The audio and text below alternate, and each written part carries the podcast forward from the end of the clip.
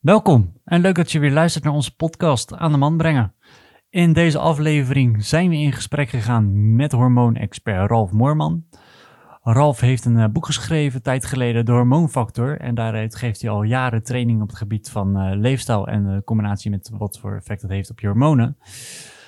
Onlangs kwam zijn nieuwste boek uit, De Testofactor. In dit boek gaat hij dieper in op wat uh, testosteron voor invloed heeft op, op ons als mannen. Want ja, momenteel gaat het niet goed met, met het testosteronniveau van de gemiddelde man. En dat zorgt voor een hoop gezondheidsklachten. Uh, we gaan uh, in dit gesprek ook dieper in wat, uh, wat het hormoon testosteron precies inhoudt. En hoe we dat als man weer op peil kunnen krijgen, zodat we weer mannelijker kunnen worden en daarmee dus ook gezonder. De testofactor is nu overal te koop, maar wij mogen ook weer twee exemplaren weggeven. Dus blijf vooral luisteren en ja, dan hoor je op het eind wel weer hoe je kans kan maken op het boek De Testofactor. Mocht je het nog niet doen, volg ons even op Instagram en Facebook, het aan de man brengen. En bezoek onze website voor meer informatie, afleveringen en uh, onze blog op www.aanemanbrengen.com. En vergeet zeker niet te subscriben op al onze kanalen.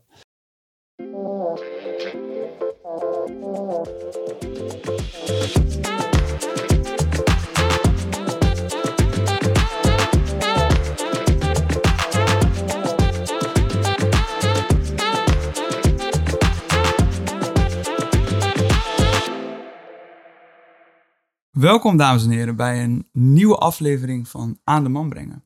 En uh, vandaag in de studio slash woonkamer hebben we Ralf Moorman. Uh, om te af te trappen, Ralf, uh, zou je een korte introductie van jezelf willen geven? Nou, ik ben dus Ralf Moorman.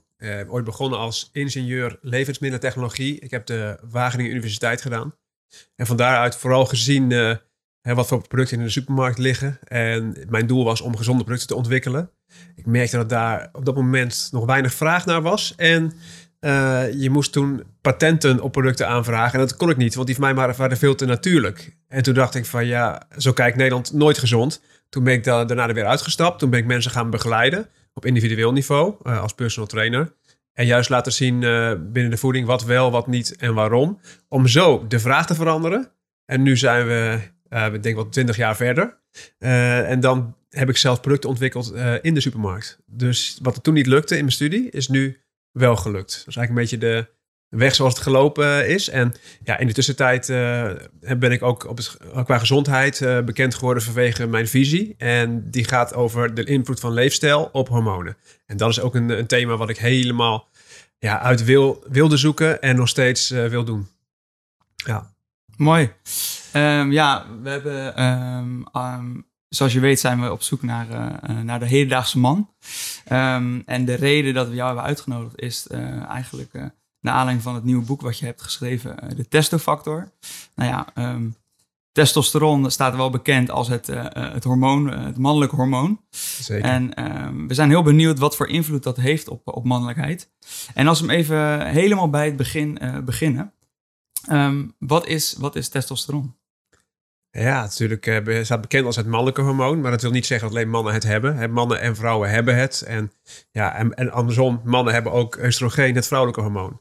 Alleen het heeft een andere verhouding. We hebben geen, uh, geen maandelijkse cyclus. Dat is natuurlijk een, uh, een verschil. Gelukkig um, Ja, nee, klopt. Uh, al lijkt het er wel steeds meer op als je het laatste jaren kijkt. Ja. maar goed, je, je merkt uh, door het leven heen ook, de testosteron is met name in je puberteit uh, heel erg hoog. En die wordt op een gegeven moment lager. En vooral na je vijftigste dan echt substantieel lager. Waardoor er ook allerlei, ja, zoals ik het noem, macho-issues ontstaan. En, en, en daar wordt bij, door mannen ja, eigenlijk wat minder vaak over gesproken, moet ik zeggen. En het wordt ook minder gerelateerd aan hormonen. dat noem je dan ouderdomsklachten. Maar goed, ik uh, kijk, denk vanuit hormonen.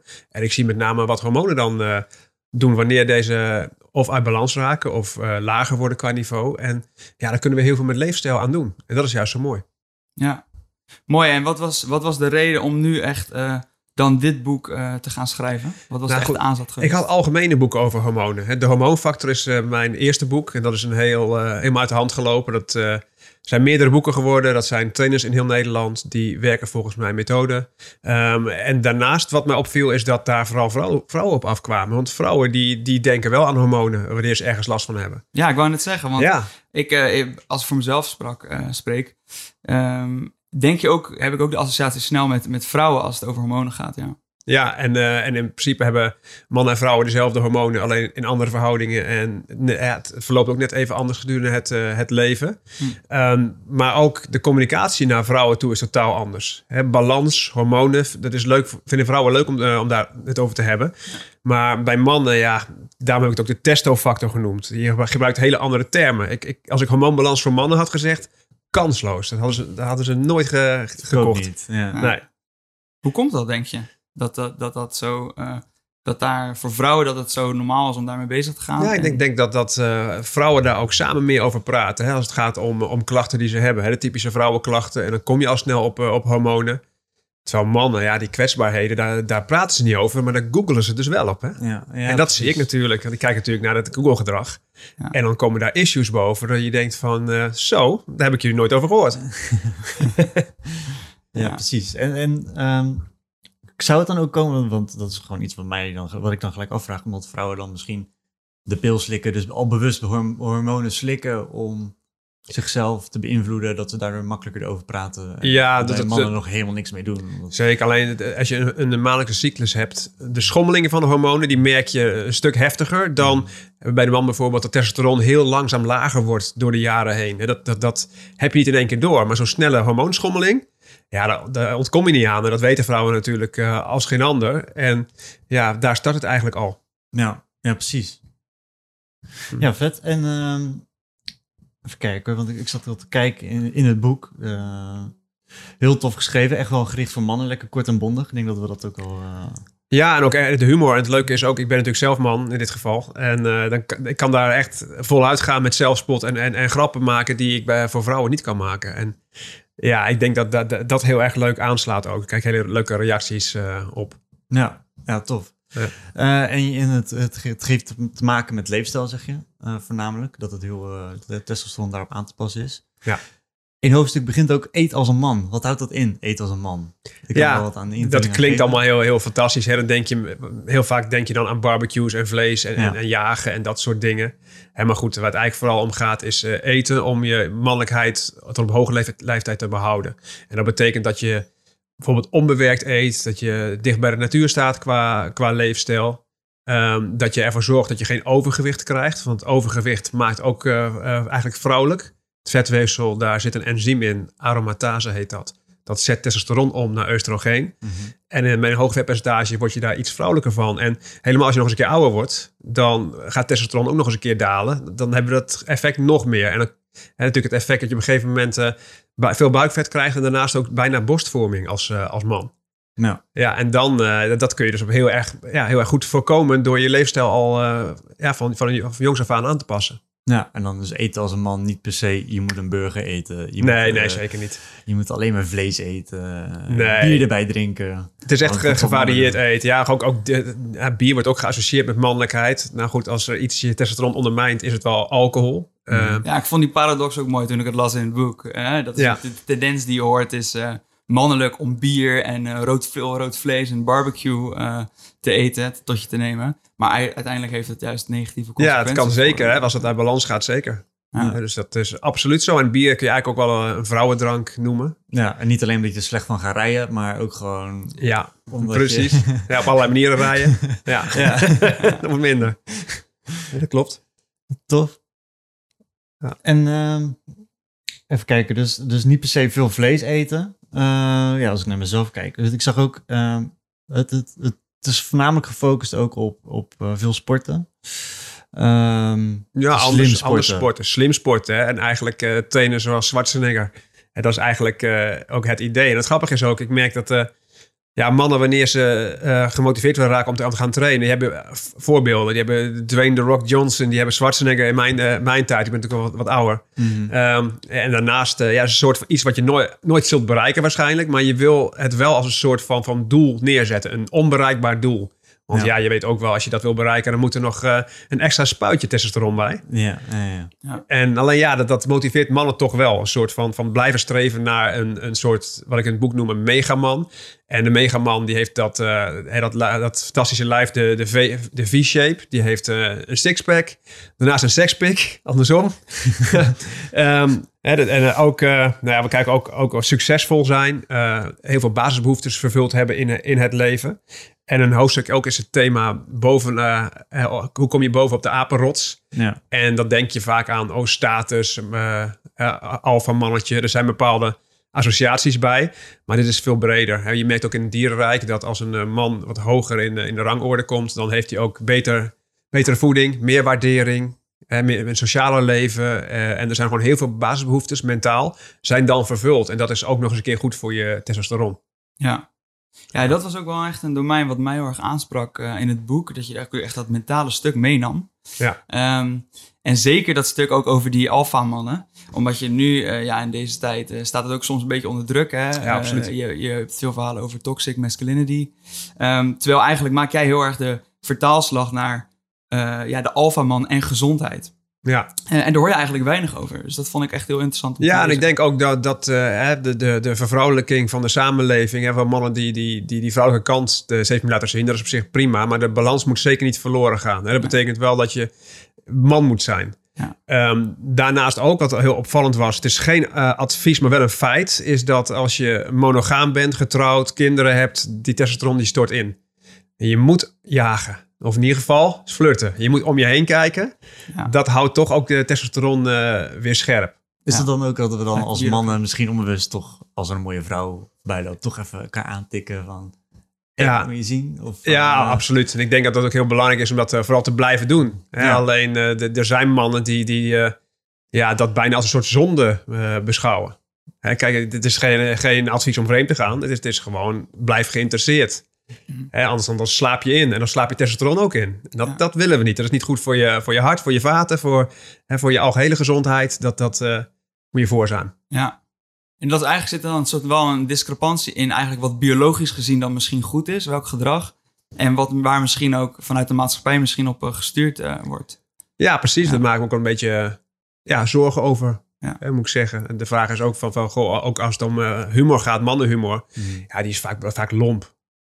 En als we nu eh, elkaar met vingertjes gaan wijzen met eh, ben je wel correct bezig, hè, de, de echte politieke correctheid, ja, dan, dan, dan valt heel veel humor weg. Ja. En dat, ik denk dat die humor belangrijk is voor mannen. Ja, Ja. Absoluut. Je moet je niet alleen, maar als humor, blij- humor blijven zien en niet te serieus nemen. Ja. Hè, dus dat is ook, ook zo'n thema. En eigenlijk hè, kijk je als het om testofactor gaat, om naar, naar, niet alleen naar, naar het leefstijl zoals hij altijd bekend was. Hè, voeding, trainen, misschien een beetje stressreductie. Maar echt het leven in zijn geheel. Alle, je ook, ook leven als een man. Ja. Dus dat is veel breder. ja. En wat is, eh, wat is dan naast voeding en training nog meer leven als een man volgens jou? Ja, dat is, dat is echt eh, eh, ambitieus zijn ook bijvoorbeeld. Ja. Hè, streven naar dingen. Dat hoort ook echt bij een man. Prestatie, ook, je merkt ook als je een, eh, een wedstrijd wint, of een spel wint, of iets anders, dan testosteron reageert daar ook op. Dat is, eh, dat is ook gezond. Hè, dus competitief zijn, dat hoort daar ook bij.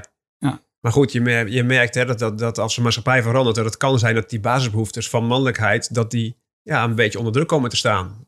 En daar moet je dus bewust van zijn. En daarom beschrijf ik het natuurlijk ook in, eh, in het boek als eh, zijnde belangrijk. Want ook bij iedere eh, ding wat ik zeg, daar zit ook wetenschappelijk onderzoek achter. Dat, dat hebben ze gewoon getest. Dat is wel heel mooi. Als ik kijk, tien jaar geleden de hormoonfactor schreef ik. En in die tien jaar, hoeveel meer onderzoek erbij is gekomen op, op invloeden op hormonen vanuit leefstijl en, en sociale, mentale aspecten. Ja, dat is geweldig. En dat is ook, ook het moment om dit boek te schrijven. Dus ik kan hem eigenlijk, eh, ja, het had niet eerder hoeven komen, want nu is de, is de kennis er. Ja, en ik denk ook wel dat het nu eh, zoveel tegengeluiden zijn over wat man zijn is. eh, dat het juist nu perfect is dat, dat je ook kan nu met wetenschappelijke onderbouwing kan laten zien van ja, absoluut. ja, eh, luister. Net als dat toxische masculinity dan. Ja, ergens, wat, wat, ze dan zeggen allemaal, dat, dat, dat mannelijke eigenschappen slecht zijn soms. Ja, we hebben ze ook gewoon nodig. Ehm, politieagenten, brandweermensen, weet je, die, eh, vooral nu in deze tijd, ambulancepersoneel, ja, die gewoon nu naar noodgevallen gewoon stoïcijns naartoe moeten om toch gewoon hun streven te doen en een ding te doen zonder die feminine kanten erbij te vertonen. Ja, dat hoort er wel gewoon bij. En die, die kant hebben we gewoon nodig. Ja. Ja, en, en de wetenschap toont dus aan, eh, wat ook terugkomt in het boek, dat stel je geeft daar helemaal geen gehoor aan, dat dat uiteindelijk dus dan effect heeft, eh, een negatief effect heeft op die testosteron, Ja. wat dus zorgt voor gezondheidsproblemen. En wat... ehm, ehm, En om, omgekeerd, eh, je moet ook vrouw, eh, als vrouw moet je ook, als vrouw moet je ook vrouw kunnen zijn. En, en die gaan juist vaak de mannelijke kant op in de huidige maatschappij.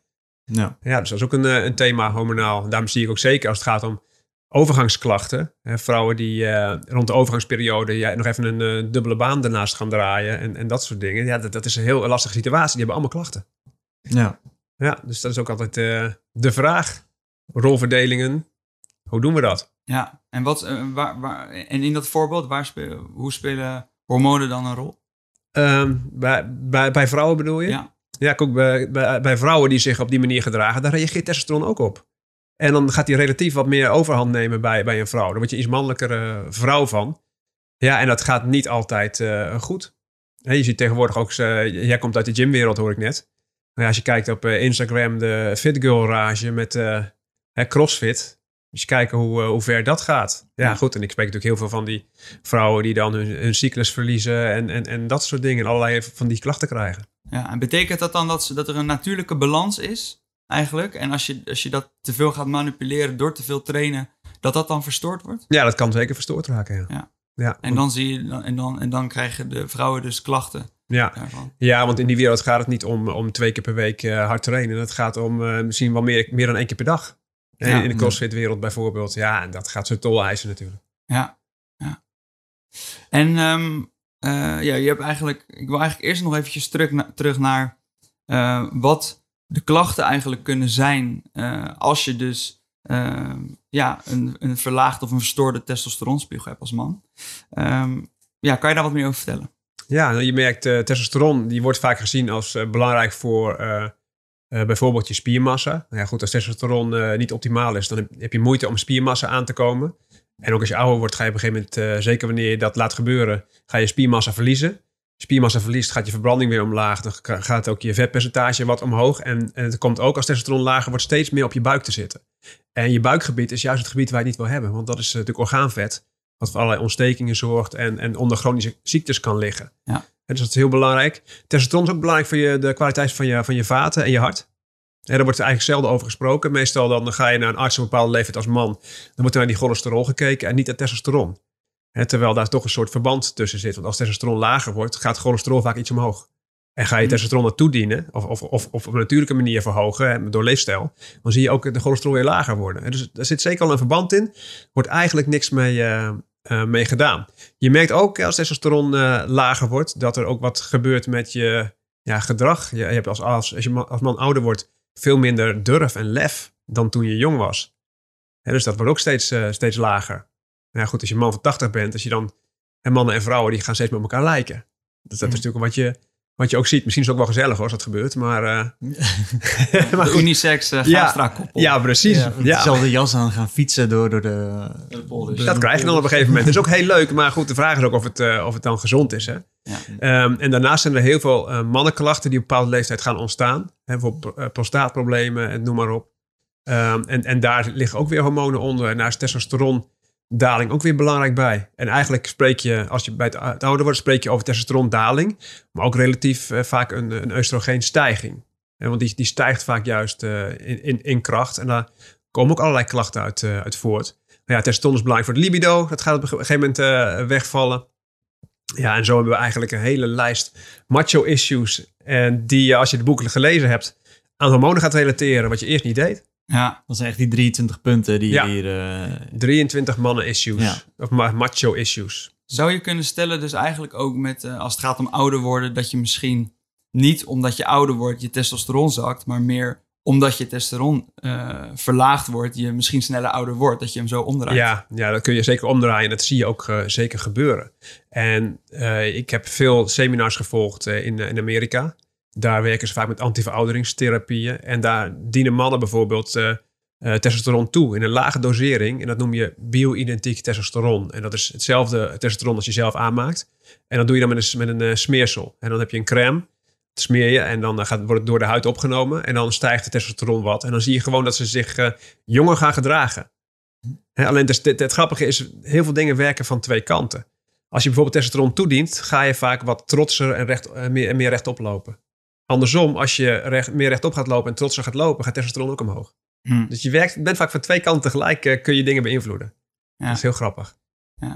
En je hebt zelf, want je, ja, je zegt, eh, eh, ik las in het boek ook dat er, dat er echt testosterontherapie is. Nou, je hebt zelf volgens mij ook wel een mooie ontdekking gedaan. Of ik ben naar Thailand geweest. Nee, dat was ik niet. dat was, oh, dat was Pim. Ik heb dit boek samengeschreven met Pim Christiaans. En Pim Christiaans, die ken ik al heel lang. is ook mijn, altijd mijn uitgever van, van mijn boeken geweest. En hij heeft zelf een boek geschreven, geschreven De Houdbare Man. Een anti-verouderingsboek.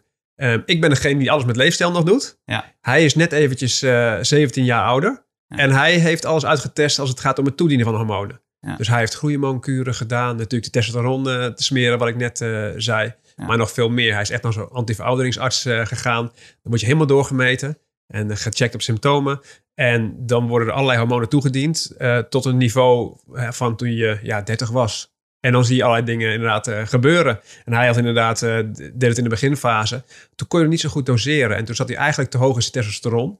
En dan zag hij inderdaad het verhaal in Thailand, wat je nu, eh, waar je nu op, op doelt. Dat hij eigenlijk te veel lef kreeg. En als zijn vriendin achterop op de scooter zat. En die wilde er eigenlijk nooit meer, nooit meer met hem mee. Want hij nam echt zoveel risico. Dat is Echt? ongelooflijk. En hij stonk. Dat is nog een ander iets. Hè? Die kreeg echt Ja. zo'n zo'n musk mannelijke lucht. En eh, dat is op zich in een lage dosering heel erg fantastisch om eh, vrouwen te scoren. Ja. Een hoge dosering. Een hoge het, dosering, eh, nou, dan wordt- dan wordt het echt too much. Ja. En wat is daarin dan ook echt het verschil? Want ik denk dat ook eh, misschien wel luisteraars denken van ja, eh eh, anabolen, eh, is, het- dat is ook een soort van eh, therapie. Dat gebeurt, Ja. gebeurt ook eens iets met je testosteron. Wat is het verschil eh, tussen dan zo'n therapie en, eh, en Ja. eh, een... eh, Eigenlijk het verschil tussen, tussen bio-identieke hormonen en de chemische hormonen. En de anabo- anabole steroïden die zijn, zijn ver- versleuteld. En daar is wat aan gedaan waardoor ze een sterkere werking hebben. Minder snel afgebroken worden. Ehm, ja, en, en daarmee heb je een eigenlijk een veel sterkere werking van testosteron dan je lichamelijk zelf zou kunnen hebben. Van iets, zo, zo hoog kom je zelf nooit qua aanmaak. Dan zit je ver en ver boven. Ja, en dan dwing je het lichaam om eh, ja, die bodybuilder te worden of die pornoster. Nou ja, goed, dat kan dus met, eh, eh, met die anabole steroïden. Alleen dat ja, je lichaam denkt dan van... hey, dit is een rare situatie. Ik ben veel te androgeen. Ja. Ik ga tegenwerken.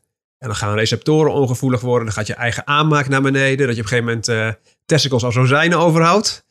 Als je niks... eh, sorry, wat zei je? Testic- testicles als? rozijnen overhoudt. Oh. Natuurlijk dat die atrofie, hè? Ehm, als je daar geen andere middelen tegenover zet om dat weer wakker te schudden. Ja. Dus dat is, dat, ja, en, en het lastige is, degenen die dit doen, die hebben vaak ook steeds meer nodig voor, voor hetzelfde effect. En ja, dat wordt, wordt steeds lastiger en steeds gevaarlijker eigenlijk. Ja. Ja. dus dus dat, dat eh, gebruik van anabole steroïden, dat eh, is risicovoller. En helemaal wanneer het natuurlijk, natuurlijk gebeurt, gewoon een beetje op eigen onderzoek en dat zelf lekker toedienen. Hm. En niet onder begeleiding van een, van een goede arts. Ja, ja en die, the- therapie, die hormoontherapie zou je, is dan eigenlijk meer om juist eh, je balans te herstellen. Ja, maar dat doe je als het laatste wat je doet eigenlijk met, eh, met zo'n kuur. Ja, en, en, en bio-identiek eh, hormoon toedienen als antiverouderingskuur, dat, dat zorgt niet voor mega hoge hoeveelheden. Alleen de hoeveelheid die je lichaam al gewend was van toen je jonger was. Ja. En dus dan gaat je lichaam niet, niet in paniek tegenstribbelen. Nee. Dus, dus daar zijn ook veel minder bijwerkingen van, van bekend. Hè, al is daarbij ook van belang dat je, dat je ook goed kunt toedienen. Want ik zei al, de, eh, zo twintig jaar geleden, toen Pim Christian dat deed.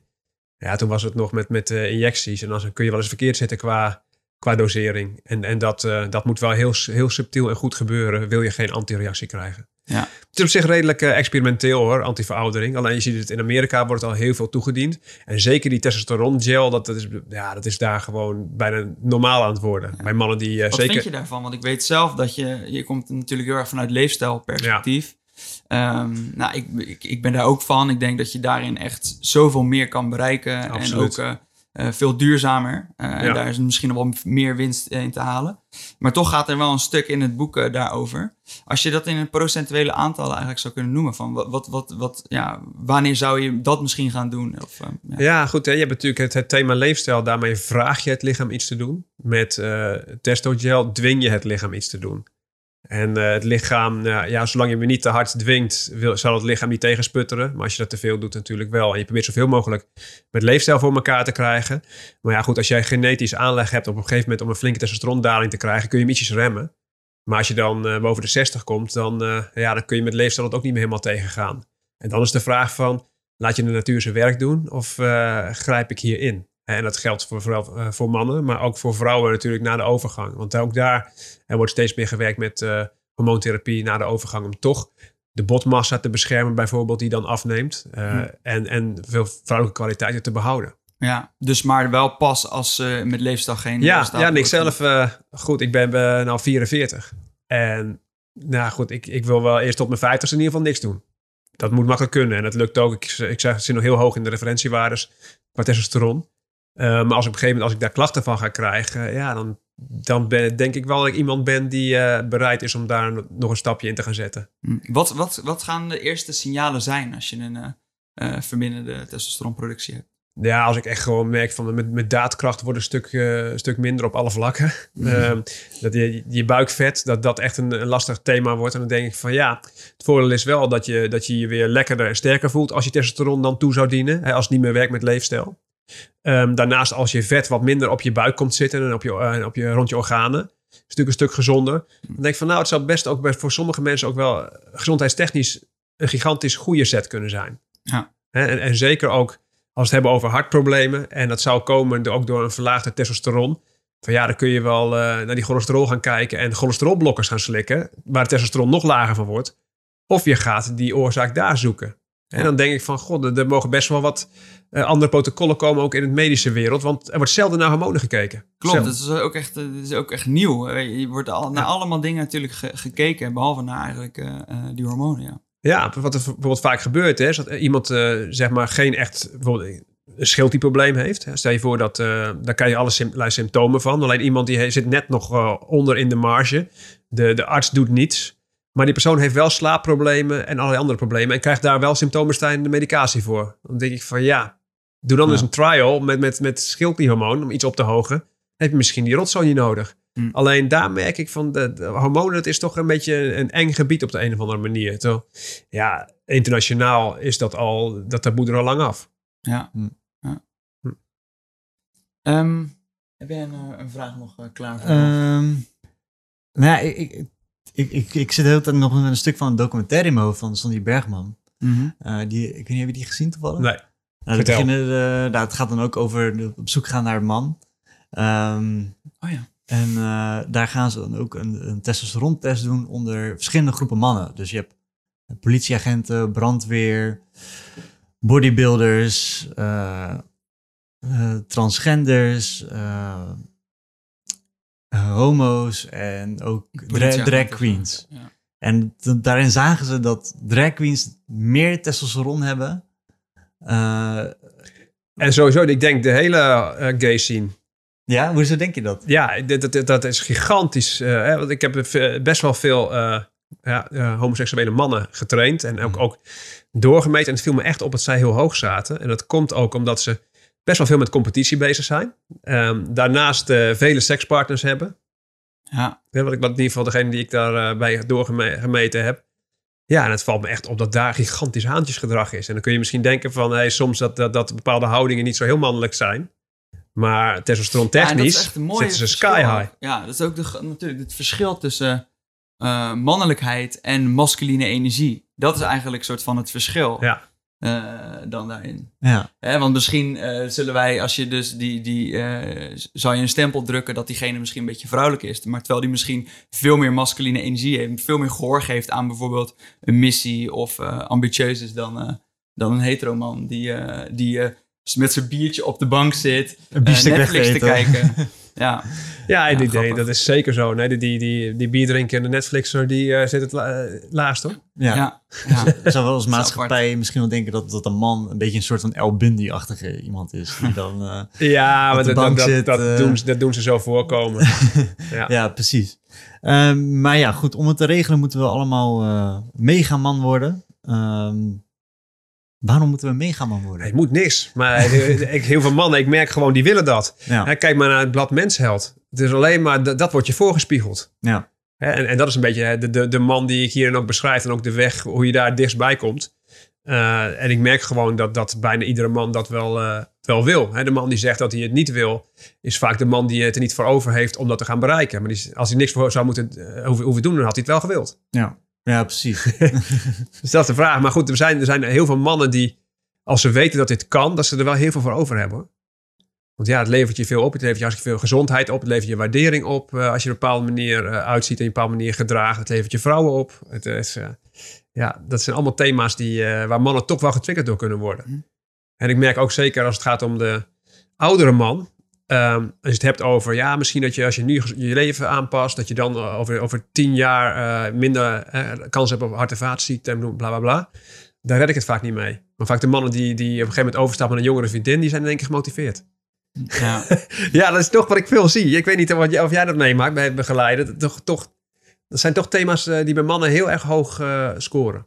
Nou ja, vaak is het natuurlijk zo dat als, je, als het helemaal geen optie is, is het makkelijker om er een oordeel op te hebben eh, dan naar jezelf te kijken en het allemaal gaan aan te pakken. Dat is, eh, dus ik Ja. denk dat, dat dat misschien daar ook mee te maken heeft. Ja. Ja, en heel vaak wordt het ook buiten jezelf eh, gelegd. Ik was een ander boek geschreven, tenminste een column gehad in het Parool, heette Hans Halveert, de ontrainbare, onmogelijke man. Maar goed, die, die, die heeft heel vaak, ja, die heeft gewoon het gevoel dat het nooit gaat lukken ook. Hm. Dus die heeft ook niet het idee van, oh, goh, we gaan nu alles aanpassen. Dus ga je er grappen over maken. En dus ga je het juist ridiculiseren. En de mannen die daar wel voor gaan. Ja. Ja, goed, dat is een hele logische reactie die je dan hebt. Maar als je Ja, omdat die- je helemaal geïdentificeerd bent ook Ja. met de persoon die je dan bent. Terwijl ja, je Ja. bent ook misschien gewoon man. Je kan ook eh, dat omhoog krijgen als je eh, Ja. de, stap, de nodige stappen zet. Ja, precies. Alleen dat, de- die berg ziet er gewoon heel groot uit voor die persoon. Dan denkt, ik komt hij Ja. nooit overheen. En dan ga je er grappen over maken. Maar goed, dat heb je in heel veel cafés ook. Ja. De- En, iedereen wil eigenlijk gewoon die, die magic pill hebben. ja, ze willen allemaal die, die megaman zijn hoor. Believe me. Ja. Alleen het, het werk ervoor doen, dat is nog een, inderdaad Ja, een grote dat is de, vraag. En ook, en ook eh, het geloof erin hebben dat je het zelf dat je het kan. Ja. Hè, de- dit is, de- vaak denken ze het is niet voor mij weggelegd. Ja, en, en dan eh, red je het ook niet. Nee, Ja, precies. die overtuiging wordt het lastig. Ja. Oké, en ehm, je hebt ook bijvoorbeeld eh, verschillende thema's. Eh net als roos. Eh, nou, als ik naar mezelf kijk, heb ik wel eens roos in mijn baard of zo. Zou dat ook een oorzaak kunnen zijn voor... eh, Ja, er, zit, er zit, liggen allerlei dingen onder. Er liggen ontstekingen onder. Maar je merkt ook dat mannen er meer last van hebben. Eh, en zeker als je testosteron hoog is op bepaalde leeftijd. En je hebt dan nog eens een keer die, die huid die, die die schilfers kan vormen. Maar daarnaast ook nog eens een keer ontstekingen op de hoofdhuid. En daar ligt natuurlijk een brede leefstijl onder. Als je algehele ontstekingsactiviteit verlaagt met een gezonde leefstijl, dan kun je al wat winnen. Eh, ik merk bij Roos ook dat het vaak is dat, dat die dingen bij elkaar, mannelijkheid, testosteron, eh, ontsteking, versterkt door de shampoo die je gebruikt. Er zijn bijvoorbeeld hele heftige shampoos, eh, zie ik. En, en die, daar zit een stof, een stof in die de hoofdhuid bijna sloopt.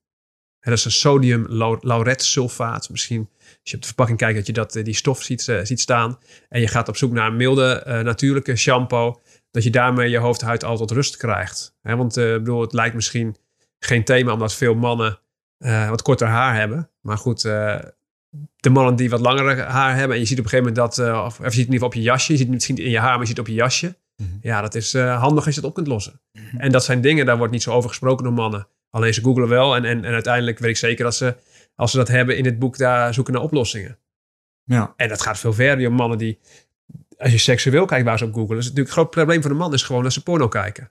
Ja. En die zien daar natuurlijk filmpjes. En je denkt van jeetje, mijn penis moet minstens 23 centimeter zijn. En er Liters moet- kunnen spuiten. ja, het moet helemaal echt. Je moet eh, een kopje vol kunnen spuiten. Eh, nou ja, goed, natuurlijk niet op eh, realiteit eh, gebaseerd. Nee. Hè, met een bepaalde hoek van, hoeken van camera's, geselecteerde mannen op bepaalde dingen. Ook trucjes. Maar goed, ik heb het er wel eh, beschreven. Er zit ook een eh, pagina in van de gemiddelde penis. Dan kun je, kun je op het boek leggen in erect, erectiele toestand. Ja. En vaak is dat juist geruststellend hoor, voor, eh, voor mannen. Want die hebben echt een totaal verkeerd beeld van eh, hoe dat daar beneden moet zijn. ja, er zit nog zo'n grote onzekerheid in. eh. Ja, precies. En dat ze ook vaak denken, hè, als het over, over volume van ejaculaat gaat, dat je dan ook automatisch eh, mannelijk en vruchtbaar bent. Terwijl het volume wordt bepaald vooral door het, eh, door het prostaatvocht. En dat kun je verhogen met eh, heel lang uitstellen en, en dat soort dingen. Maar daarnaast ook bepaalde suppletie die voor meer prostaatvocht zorgt. En je hebt bepaalde pillen van bepa- eh, bepaalde pornosterren, die hebben pillen waar hun eh, naam aan dan aan ge- gelinkt is. Eh, ja, en die gewoon helemaal gebrand door de helemaal pornosterren ja, tegenwoordig. gebrand. en ja, dat, dat, dat zorgt ervoor dat je wat meer eh, ja, prostaatvocht aanmaakt. Maar heeft porno dan ook invloed juist op testosteronverlaging? Of is het Nou, ik- ik nou maar wat... eh, Ja, ik, ik, ik heb er heel interessante dingen ook over gelezen. En zeker de mannen die veel porno kijken. Ehm, in de hersenen, hè, zeker wanneer je daar ook bij masturbeert. eh, dat zorgt natuurlijk voor bepaalde stoffen die dan aangemaakt worden, dopamine en een bepaalde Mhm. eh, dingen die je krijgt wanneer je een orgasme krijgt. Er zijn mannen die daar depressief van worden. Ja. Die een soort downer krijgen hierna. En als je depressief wordt, is het ook niet goed voor je testosteron. Nee, krijg je dan ook weer meer de drang om het vaker te doen? Om weer Ja, dan denken ze om, dat, dat dan weer weg te werken met de volgende keer. Ja. Alleen uiteindelijk wordt dat vaak dan slechter. En je merkt dat die mannen soms er goed aan doen om dat gewoon eventjes een paar dagen niet te doen. Ja. En dat klinkt als een, eh, als, als een eh, de- nee, dat doet toch niemand? Nou, en, en reken maar dat er mannen zijn die hier last van hebben. En een soort van eh, verslaving hieraan eh, en daardoor ook downers achteraf. Ja, en, en ik, wat ik zelf ook wel eens zeg tegen vrienden van... probeer het een keer zonder porno. Kijk eens hoe je dan nog... eh, ja, eh, of het dan nog lukt. ja, ja nee, precies. Ik weet nog wel, vroeger was porno nog wel spannend. Want dan moest je heel moeilijk doen om aan zo'n boekje te komen en weet ik veel wat. En dan ga je zo'n eh, zo'n benzinestation in, eh, een capuchon op en dat soort dingen. nou ja, dat geeft een soort, nog een soort van spanning. Tegenwoordig, je hoeft je te- telefoon maar... eh, ja, iedereen kan erbij. Ja, En in alle vormen en maten wat jij maar op dat moment zoekt. Ja. Ja, goed, dat is ook niet het ouderwetse jagen meer. Nee, nee. het, eh, we kunnen ons makkelijk verschuilen achter, het, eh, achter ons schermpje tegenwoordig. Ja, is ook zo. En als je het verschil hebt, hè, als je als, als single zeg maar het heel moeilijk moet doen om uiteindelijk een vrouw eh, in bed te krijgen. Ja, de weg ernaartoe is een gigantisch voorspel. En, en, dat, eh, ja, en dat merk je ook bij mannen, zeker die, die een vaste relatie hebben. Die zoeken op eh ejaculaatvolume en dat soort dingen. Ja, die, die doen minder dan vroeger. Maar dat komt ook omdat ze gewoon ja, eh, een vrouw hebben en eh, niet zo lang voorspel en niet het werk ervoor hoeven te doen. Mm. En dus zie je heb dat dan ook minder... terug in testosteronspiegel ook? Eh, ja, dat zie je ook wel. Ja. Ja, dus dat is absoluut waar. Dus het is belangrijk dat je... Er zijn allerlei manieren om testosteron te triggeren. eh, Maar zorg dat je er wel inderdaad voldoende triggers voor hebt op allerlei vlakken. Ja. Ja. En ik las ook dat, dat juist vaderschap ook verlagend Ja, is voor ja zeker weten. Maar misschien is dat dat ook wel heel nuttig is hoor. Bepaalde, bepaalde fase. Hè, zeker in de beginfase, dit ki- kind jong is, dat je daar een soort... Ja, wat meer binding krijgt. Eh, Mm. Testosteron kan ook iets zorgen voor wat meer afstandelijkheid als dat heel erg hoog is hoor. Ja, ja, ja. Maar goed, uiteindelijk gaat het natuurlijk om meer hormonen bij elkaar. We hebben natuurlijk eh, oestrogeen. We hebben ook nog ox- oxytocine, dat knuffelhormoon wat op bepaalde momenten vrijkomt.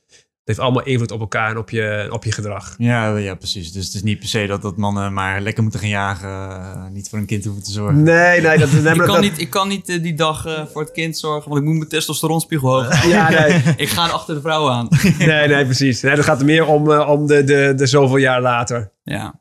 Hè, dus, Ja. dus, dus, dus op dat moment is het heel nuttig, eh, inderdaad. Maar goed, als je er na twintig jaar nog die rol blijft houden en je, je hebt niet die andere kant, dan is het eh, weer zonde voor je, voor je gezondheid. Ja, daarin mag je wel weer je mannelijke Absoluut. rol eh, vertonen. Ook naar je kind natuurlijk. Ja, Ja. Ja, maar ik denk op een gegeven moment, in het begin is het heel erg, erg, erg eh, knuffelen en, en, en verzorgen. Maar op een gegeven moment wordt het kind ouder. Dan ga je hem ook beschermen als hij gepest wordt door kindjes. Hè? Dan, dan, dan wordt het even een ander verhaal. Ja. Ja, nou precies. Ja, dan Ehm. word je de vader. In het begin ben je een soort van, hang je er een beetje bij. Maar op een gegeven moment dan, dan, dan kun je echt de vaderrol, de mannelijke vaderrol gaan pakken. Ja. ja, dat zie je ook nog weinig gebeuren, moet ik zeggen, om me heen. eh. Ja, ik moest zo lachen. Mijn broer had een, eh, heeft een tweeling gekregen. En toen, en toen ik mijn broer met een kind in de hand zag staan, dat zag er zo hulpeloos uit. Prachtig. maar het komt nou weer in balans. ja? ja, hij is begint nou weer een beetje eh, Ja, ja, ja. eh, man te worden. Ja, Dus ook dat de die mannen eigenlijk soort van tot leven komen als het kind kan gaan buiten spelen. dan komen, het kind ja, dan, gaat dan voetballen, komt dan is de rol weer. Ja, Ja, dan krijgen ze een rol. ja, mooi. tof. Ehm, ja, een ander thema wat, wat, waar mannen dus ook blijkbaar ook heel veel op googelen en de, waarschijnlijk ook een relatie ligt met eh, testosteron, is te snel klaarkomen. Ja. Dat is ook al een thema dat mij een beetje eh, aan mijn hart lag. Ja. Eh, ja, voor heel veel mannen is dat zo. En dit is natuurlijk voor een deel hormonaal, ehm, maar ook eh, mentaal. Natuurlijk Ja. ontzettend. En helemaal wanneer je op een gegeven moment dat overkomt je. En het overkomt je nog een keer. En op een gegeven moment gaat die kop zitten en dan gebeurt het juist. Ja. En dan, dan probeer je daar invloed op uit te oefenen. En als daar stress bij komt kijken. Ja, Extra dat, druk. Dat, dat, Ja. dat wordt helemaal niks. Ja, je, je voelt die druk al. De druk in je hoofd wordt eh, niet alleen in je hoofd Ja. opgebouwd uiteindelijk. Of op een gegeven moment voordat je überhaupt met, met iemand naar bed gaat, en dat je al die druk in je hoofd opbouwt. Zo van, oh shit, Ja. het gaat eigenlijk weer gebeuren hoor. En dan, ja. dan is het feest inderdaad. En dan is het niet klaarkomen, niet klaarkomen. ja, dan gebeurt het juist. Ja, en dan gebeurt het juist. Ja. Ehm, had je er zo ook last van gehad? Dan stond er in tussen haakjes bij van uh, Ralf uh, spreekt uit ervaring om je no point of return uh, uh, te vinden. Nou, dat, dat, dat, dat, is, nee, dat is een thema waar ik zelf heel erg goed in ben juist. Nu. ik, ik, ik kan heel goed eh, bepalen wanneer. En dat komt Mhm. ook omdat ik met mijn vriendin, ik wil geen, geen kinderen, maar we doen, ik doe voor het zingen de kerk uit. En ik ben daar erg goed in. Dat kan lang niet iedere, iedere man. Ik heb er geluk mee dat ik eh, daar die controle heb. Valt ook te trainen wel. Valt te trainen. Eh, en je merkt dat het ook, een, eh, ja, ook zo- zo'n lastig thema hebt. Zeker wanneer je een langer relatie hebt, dat er vaak gezegd wordt ook, eh, hè, ook zo'n leuk iets van, ja, je kunt van tevoren voor zwanger worden en dat soort dingen.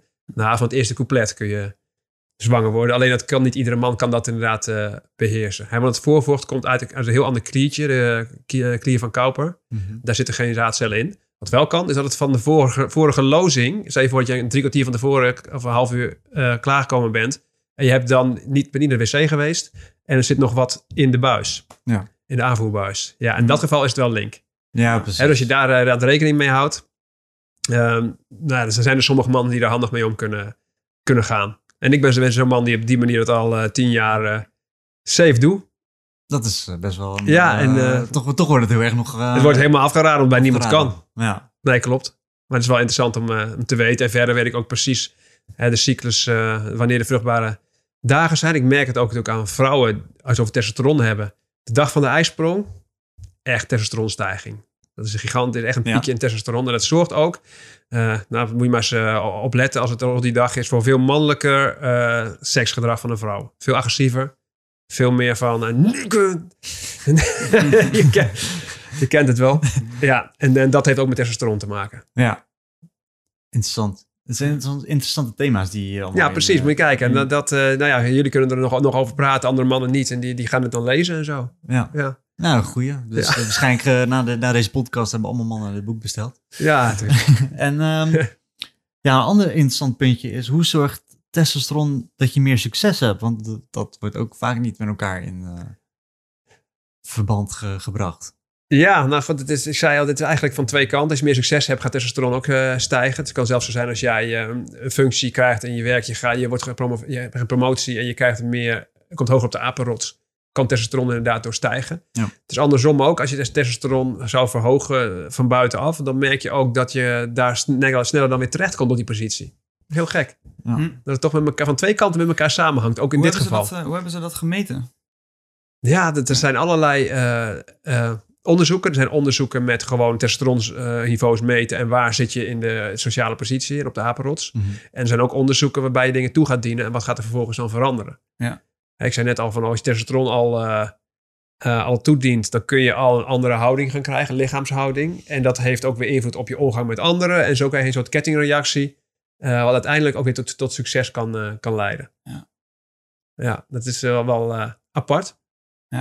Ja, want je zag ook in het boek kwam ook naar voren van ehm, dat dus die sociale status dus ook weer invloed heeft op eh, ouderdomsklachten. En eh, de, eigenlijk hoe hoger je op de sociale status eh, komt eigenlijk, eh, hoe later de klachten beginnen. Ja. Denk je, ook, denk je dat testosteron daarin ook een, eh, een, een rol speelt? Of Ja, het zeker weten. Dat is een heel belangrijk, gewoon een heel erg belangrijk hormoon. En, en het is, wel- als- zeker als je op hele hoge leeftijd zit, dan is het best wel eh, ja, belangrijk dat je dat inderdaad blijft houden. Je ziet de, eh, de mensen die vervolgens sociaal contact verliezen en, en, en hij kan door overlijden komen of, of überhaupt door eh, in isolatie terecht te komen. Ja, dan gaat het heel hard achteruit hoor. Ja. Oh, dat heeft, je bedoelt nu eens met isolatie, dus Ja. zonder sociaal contact. Ja, Ik bedoel meer in sociale status, dus in de apenrots. Dus hoe hoger je... Ja, ja, klopt. Maar het kan zijn dat je een bepaalde hele mooie positie hebt in de AMRO. Eh, Je hebt bijvoorbeeld eh, een vrouw, maar de vrouw overlijdt. Hè, het kan natuurlijk zijn dat dat een belangrijke eh, basisbehoefte is. Inderdaad, de omgang die je daarmee hebt. Dat kan verdwijnen. Of je, je gaat van een woonhuis eh, naar een eh, bejaardentehuis. En je hebt daar... Ja, het kan zijn dat je daar op niet op een goede plek zit. Waardoor je, Oh, dat door je niet omgeven bent door allerlei basisbehoeftes die je op Ja. de apenrots dus wel had. Ja, ja, Ja, en dan zie je soms mensen gigantisch achteruit gaan. Ja, dus de intieme relaties eigenlijk met, Ja. eh, met, je, met je omgeving. Ja, en gewaardeerd worden. Ja. Eh, het gevoel zijn dat je verbonden bent, maar toch uniek. Dat je je eigen rol erin hebt. Dat zijn allemaal van die basisbehoeftes die belangrijk zijn. Je wil groeien, je wil leren. Ja. Eh, ja, je wil bijdragen aan iets. Het gevoel hebben dat je nuttig leeft. Ja. En dat zijn allemaal van die dingen die, als je hoger op de apenrots zit, dat, dat die vaak vervuld zijn. En, en dat is ja, een heel mooi streven. Hè? Ja. dus de ouderwetse gedachte van, dat heeft allemaal met status te maken. En, en hoeveel geld je hebt en, en weet ik veel wat. Echt niet. Nee. Nee. Nee, zo, zo, inderdaad. De apenrots zelf heeft een heel ander stigma dan als je hem zo uitlegt. Ja. Ja. Precies. En ook, ik vind het ook wel heel mooi dat, het, dat, je, dat je dat ook allemaal benoemt. Dat vanuit al die domeinen kan je eigenlijk terugberedeneren ook naar testosteron. Zowel fysiek, mentaal, Ja. leefstijl gerelateerd. Ja. Ja. En als je, ehm, ehm, zullen we een beetje gaan nu naar wat je zou kunnen doen om, de, om het testosteron te, te verhogen. Mhm. Eh, meer wat specifieker, eh, die ook in het eh, boek terugkomen. Je zei, je zei al slim trainen. Wat bedoel je daar mee? Ja, als je het hebt over, over testosteron, die wil laten stijgen, dan wil je dus je lichaam activeren en, en met name op, op een manier overload creëren waardoor die uiteindelijk gespierde gaat worden. En er zijn bepaalde trainingsvormen waarbij je spiermassa opbouwt. En dat zijn de ouderwetse bodybuildingsmethodes. Ehm, en als je die gedaan hebt in de herstelfase, krijg je dus een stijging van anabole hormonen, waaronder testosteron. hè. En Hmm. daarnaast hebben we ook groeihormoon. En dit geldt eigenlijk alleen eh, als je dit niet te lang en te vaak doet. Want je moet ook weer herstellen. Ja. Hè, dus je wil, als je merkt dat je gaat overtrainen, dan stort testosteron weer in. Dan kom je eigenlijk niet in de anabole fase terecht, maar in een catabole fase. Dat is de afbraakfase. en dan zijn hormonen zoals cortisol eh, en andere an- afbraakhormonen juist heel erg, erg actief. En dat ondermijnt je, je testosteron juist. Dus eh, slim trainen betekent eh, het drie, drie keer in de week zou ik zeggen, max. Want je hebt echt wel eh, twee dagen rust nodig tussen iedere echte training. Hè? Daarmee moet je echt verschil maken tussen bewegen en trainen. Want bewegen kun je altijd doen. Ja. Maar dan ga je niet over een grens. Nee. Hè, daar herstel, hoef je niet van te herstellen, dat kun je altijd doen. Training, dan ga je over grens heen. Dan heb je twee dagen herstel zeker nodig. En als je ouder wordt, misschien nog wel meer. Dus bij, bij eh, mannen van 60 die ik train, ja, ik zeg echt van twee keer in de week is genoeg. Hè, niet meer trainen dan, eh, dan dat. Ehm, ja, in die gym ben je ongeveer en max een uur bezig. Waarbij je drie kwartier krachttraining doet, met name de grote spiergroepen. Ehm, en dat betekent ook dat je je schema regelmatig aanpast. Want je lichaam wendt aan bepaalde schema's. Dus dat, dat blijf je ook eh, aanpassen. Dat eh, laat ik in het boek ook, eh, ook zien. Ehm daar zou je wat sprintjes cardio bij kunnen doen. En ook als het gaat om conditie verhogen, daar heb je niet eens zoveel tijd voor nodig. Nee. En dan kun je veel beter zoeken ook in, in hoge intensiteit. En kort en intensief. Eh, En niet in urenlang op een fiets zitten op een laag tempo. Want vaak is dat bewegen en niet trainen. Ja. Mhm. En daar word je, wordt je conditie eigenlijk niet beter van. Ik ken zat mensen die zeggen met hun conditie bezig te zijn. Die lopen drie keer in de week rondje flat, vijf kilometer. En dat doen ze al een paar jaar. En dan vraag je, ben je nou sneller geworden? Ja. vaak niet. Vaak hebben ze dus bewogen en niet getraind. Ja, en, de, en dat trainen, dat zorgt voor die verhoogde testosteron. Ja. Dus, als jij, dus je moet eigenlijk die schade wel een klein beetje opzoeken. Precies. In de Ja. training sloop je jezelf een klein beetje. eh, waardoor het anabole systeem wordt uitgelokt om te gaan herstellen. En, en in het geval van een krachttraining en bodybuildtraining... eh zal je lichaam ook nog de trigger hebben om meer spiermassa te maken dan die had. Ja. En dat is het mooiste. Ja, Ja. mooi. Ja.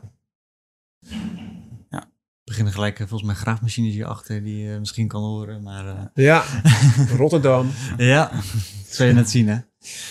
Ehm, dus eigenlijk wat je zegt is, soms zie je gasten twee keer per dag vol in de sportschool staan.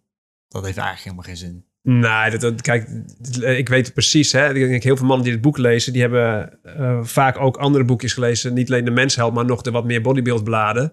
Ik geloof het was Muscle and Fitness, de Flex en dat soort dingen. En daar zijn allemaal schema's in van bodybuilders. Ja. En ja, dat zijn anabole steroïde gebruikers. Ja. En die doen hele andere dingen eh, dan iemand die natural is. Hè, want die, die kunnen namelijk gigantisch goed herstellen. En die kunnen wel soms, soms meerdere keren per dag trainen. Omdat ze zo veel anabole hormoon inspuiten. Ja, in dat geval eh, is dat heel wat anders. Alleen er zijn heel veel mannen die zijn echt daardoor geïnspireerd. En die, die gaan die schema's volgen. Vervolgens denken ze ook dat ze drie potten eiwitpoeder per dag eh, naar binnen moeten knallen.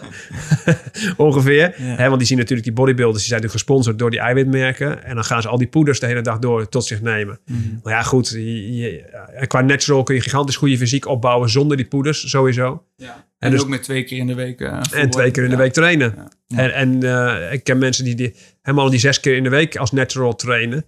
En die breken vaak meer af dan dat ze opbouwen. En daarnaast, als jij overload wil halen en dus echt een maximale prikkel wil geven aan je spier.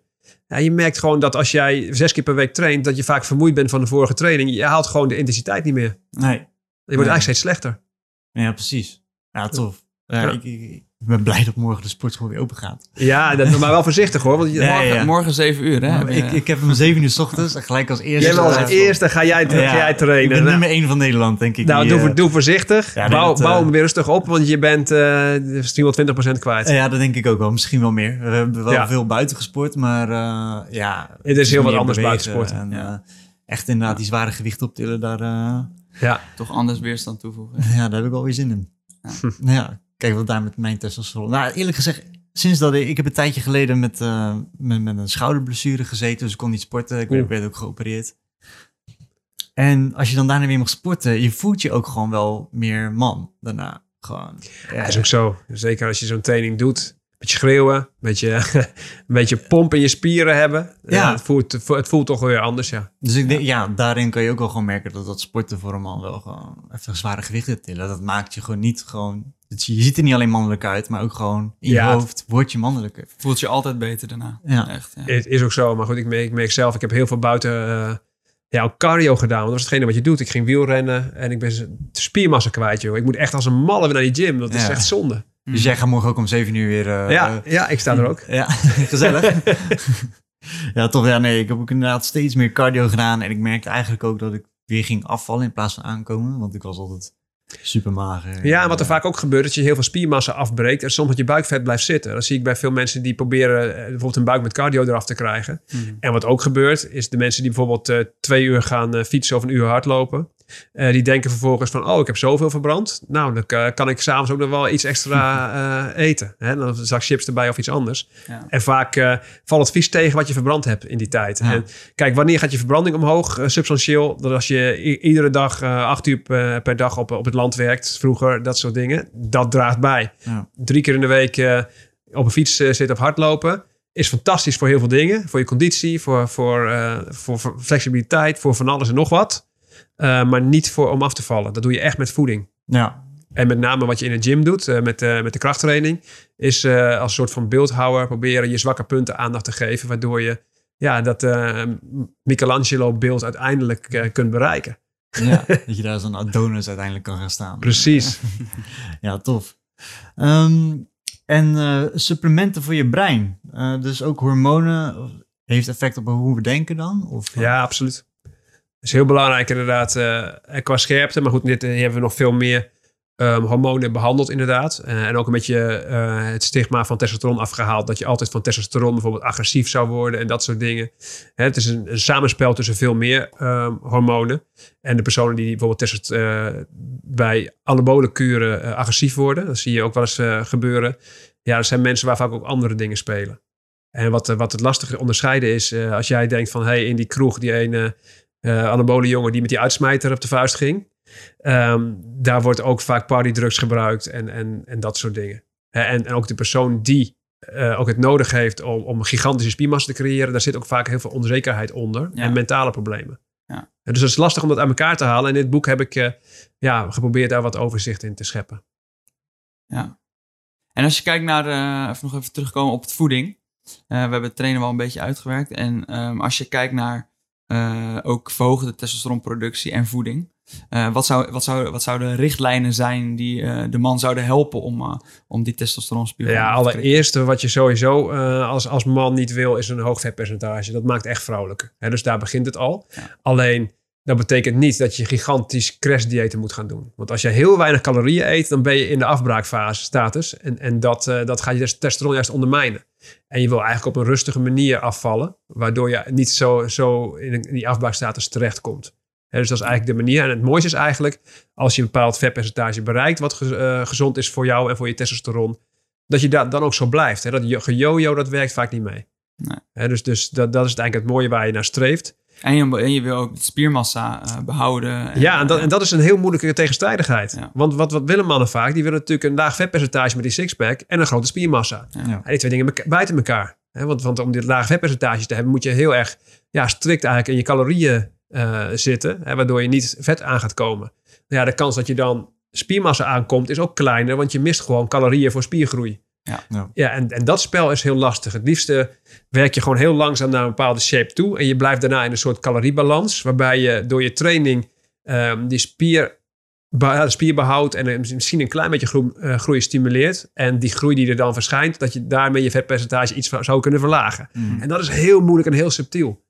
Hè, dus dat, dat is echt wel een. eh, ja, ik merk dat veel mannen daar ook de mist in gaan. Ik zie ook veel, of zeker vroeger, werd er gewerkt vanuit de bulkfase. En dan ging je spiermassa opbouwen. Dan ging je heel veel eten, spiermassa winnen. En dan kwam de zomer eraan, dan ga je aftrainen. Hmm. En toen schrok je ervan hoeveel spiermassa je verloor tijdens het aftrainen. Ja. ja en, en vaak hou je dan toch niet je, je optimale fysiek. En de, de, de beste atleten zijn eigenlijk het hele jaar in shape. En misschien voor een fotoshoot dat ze dan nog even een klein tikje eraf halen. Over the edge. Ja.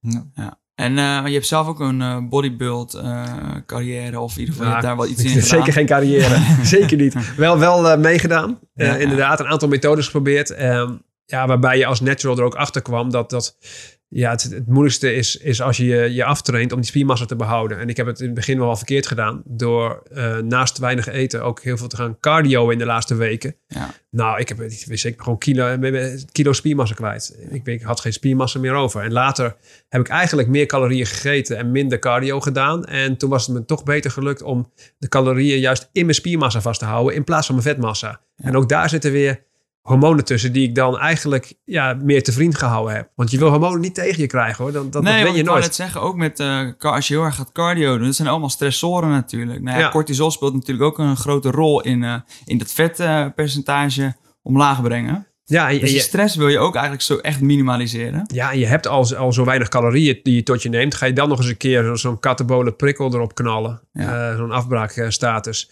Ja, dan, dan, dan eh, je heeft je spiermassa heeft helemaal geen bescherming meer. Die verlies je gewoon. Ja. En dan sta je daar wel eh, met een heel laag vetpercentage. Maar dan sta je als een van de magere uh, schreeuwkip daar op dat podium. Ja. Nou ja, het scheelt. die schouders moeten naar achter. Ja, joh. Je moet, Je moet een trotse fantastisch. houding Maar hebben. goed, als- je nou ook de testosteron dan zou meten, ja, die, die ligt helemaal, helemaal op zijn gat. Dat is gewoon klaar. Geen, geen libido meer voor zo'n wedstrijd.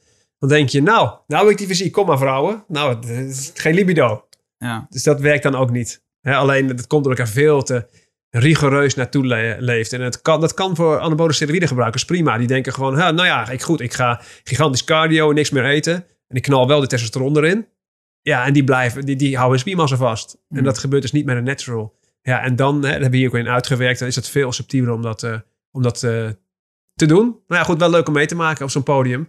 Want dan, dan heb je wel een reden om echt alles uit jezelf te halen. Ja. Dus eh, Een groot doel.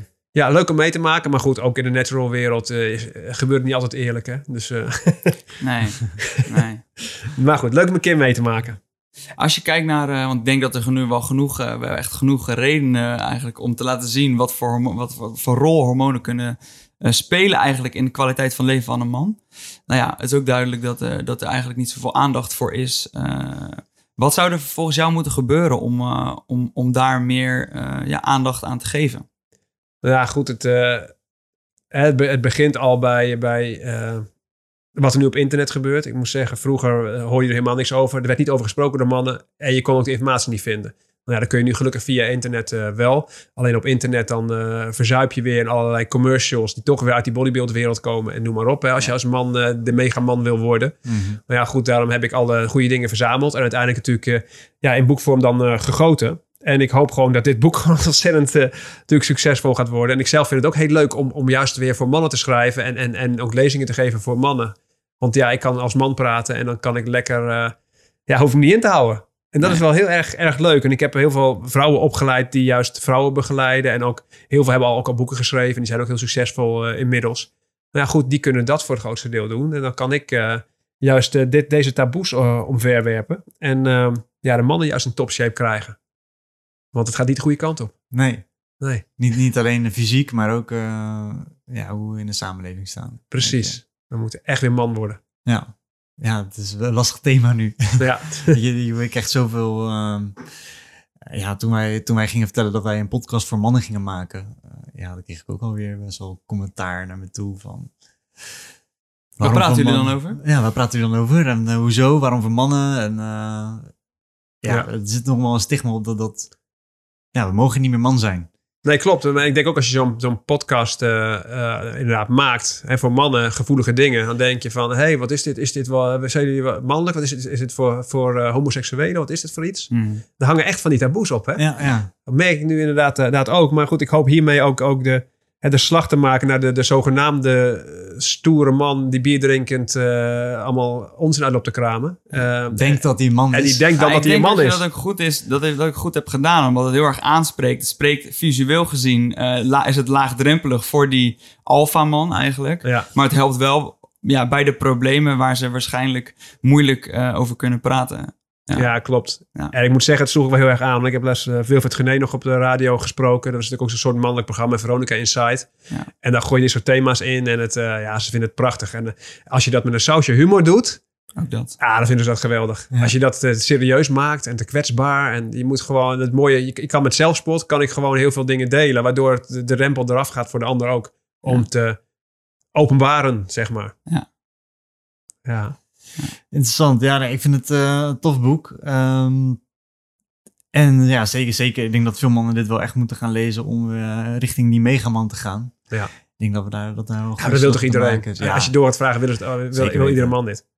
ja, als je het niet wil, inderdaad, dan... eh, Ja, dan weet je waarom. En dan hoop ik inderdaad met het boek te, in ieder geval te laten zien dat het ja, voor bijna iedereen kan. Ja, hè? ja. En, en, en ook dat je daar niet gigantisch gek voor hoeft te doen. En het is niet dat je zes keer per week moet trainen en, en dat je drie keer per dag eh, een uur bij het aanrecht staat om iets te, te klaar te maken. Ja. Nee, ik maak het vooral heel erg simpel. Ja. En, dat, en zo moet het ook, want anders hou je het nooit levenslang vol. Ja, en kleine stappen.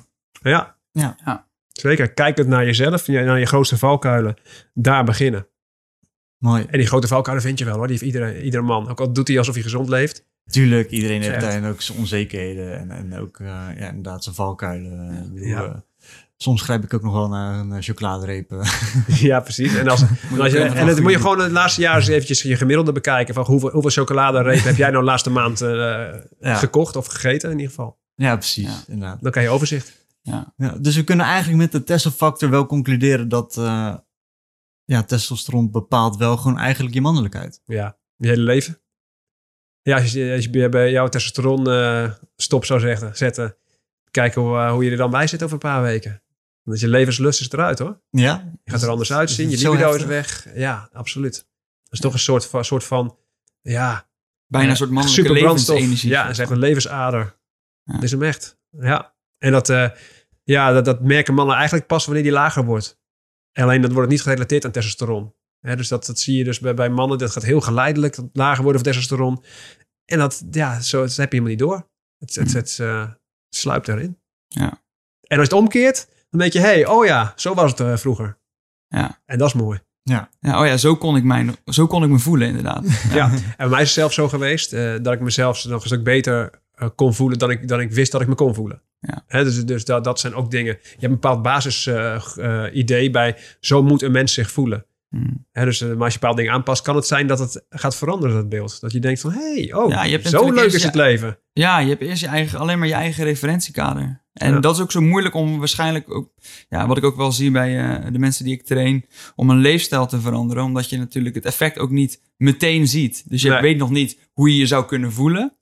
En, je, ehm, en die quick fix, die, eh, die werkt niet meteen. Dus de, Nee. de drempel is daarin wat hoger. Ja. Nee, je- je hoopt dat je inderdaad, dat, dat bijvoorbeeld een man die je begeleidt, dat hij alles een keer zich een stuk beter gevoeld heeft. Nou ja, dan ga je het daarover hebben, probeer je dat beeld heel groot te maken. Ja. Als het niet zo is, dan moet je toch een, eh, een, een, een meer een irreëel beeld eh, gaan, gaan schetsen. Van hoe denk je dat, dat je leven er dan uitziet? Ja. Ja, en als, als daar dus een heel mooi megaman beeld bij gaat komen, kan dat een soort van eh, motor zijn om uiteindelijk de dingen Ja. te gaan veranderen. Ja. En als, je die, maar als je die motor niet hebt, dan, dan, dan wordt het sowieso niks. Klopt. Ja, je moet een bepaald punt hebben waar je naartoe wil. Ja. Ja. Ja, en confronteren dus van ja, oké, als ik nu die lijn doortrek over 20 jaar, hoe, hoe sta je er dan bij? Ja, Ja, dan kun, je, Ja. ja. dan, kun- dan kun je de positieve kant benadrukken, maar ook de negatieve. Stel je voor als je zo doorgaat met leven, hoe ziet je leven er dan uit? exact. Ja. Ehm, en als er één ding zou zijn eh, die, je die je de man zou eh, meegeven, een inzicht ehm, vanuit het boek, het belangrijkste, wat, wat zou dat dan zijn? Ja, ik denk als je dit boek gaat lezen. ehm, kijk, veel mannen die, die, die hebben al eens een keer getraind. Die, die hebben al eens een keer gekeken naar voedingsschema's in de mensheld of dat soort dingen. En die hebben er wel bepaalde ideeën van. Maar trek hem hier nog eens een keer verder door. Hè, naar naar het echte leven van een man.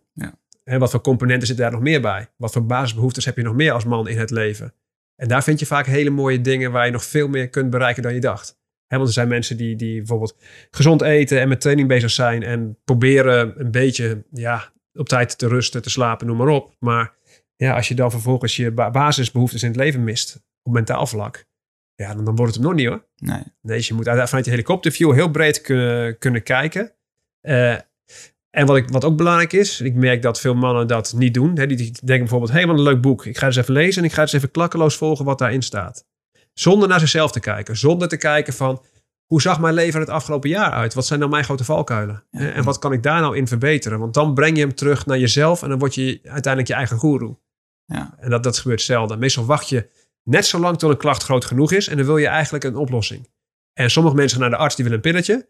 Ja, degene die verder denkt, die wil leefstijl misschien veranderen en die, eh, en die koopt een boek en die gaat er meteen naar het eetschema. Zo, Hmm. morgen eet ik zo. Zonder naar Ja. zichzelf te kijken. Ja. Ja, daar red je het niet mee. Nee, en de brandstof die je natuurlijk ook... eh, ja, het is zo sterk als je wel... Als je eerst op uitzoomt en kijkt waar je naartoe wilt. Want dan is het doel veel groter waar je het voor doet. In plaats van dat het doel is, ja, oké, mijn mijn voeding veranderen, ja. Ja, precies. De, dus de- een trainer die genoeg, genoeg neemt met een doelstelling van ik wil 10 kilo afvallen, zonder door te vragen de waarom. Ja, ja wat gaat dat je dan brengen? wat gaat het je dan kwijt brengen? bent? Goh, hoe ziet, het, hoe ziet het eruit? Vertel eens.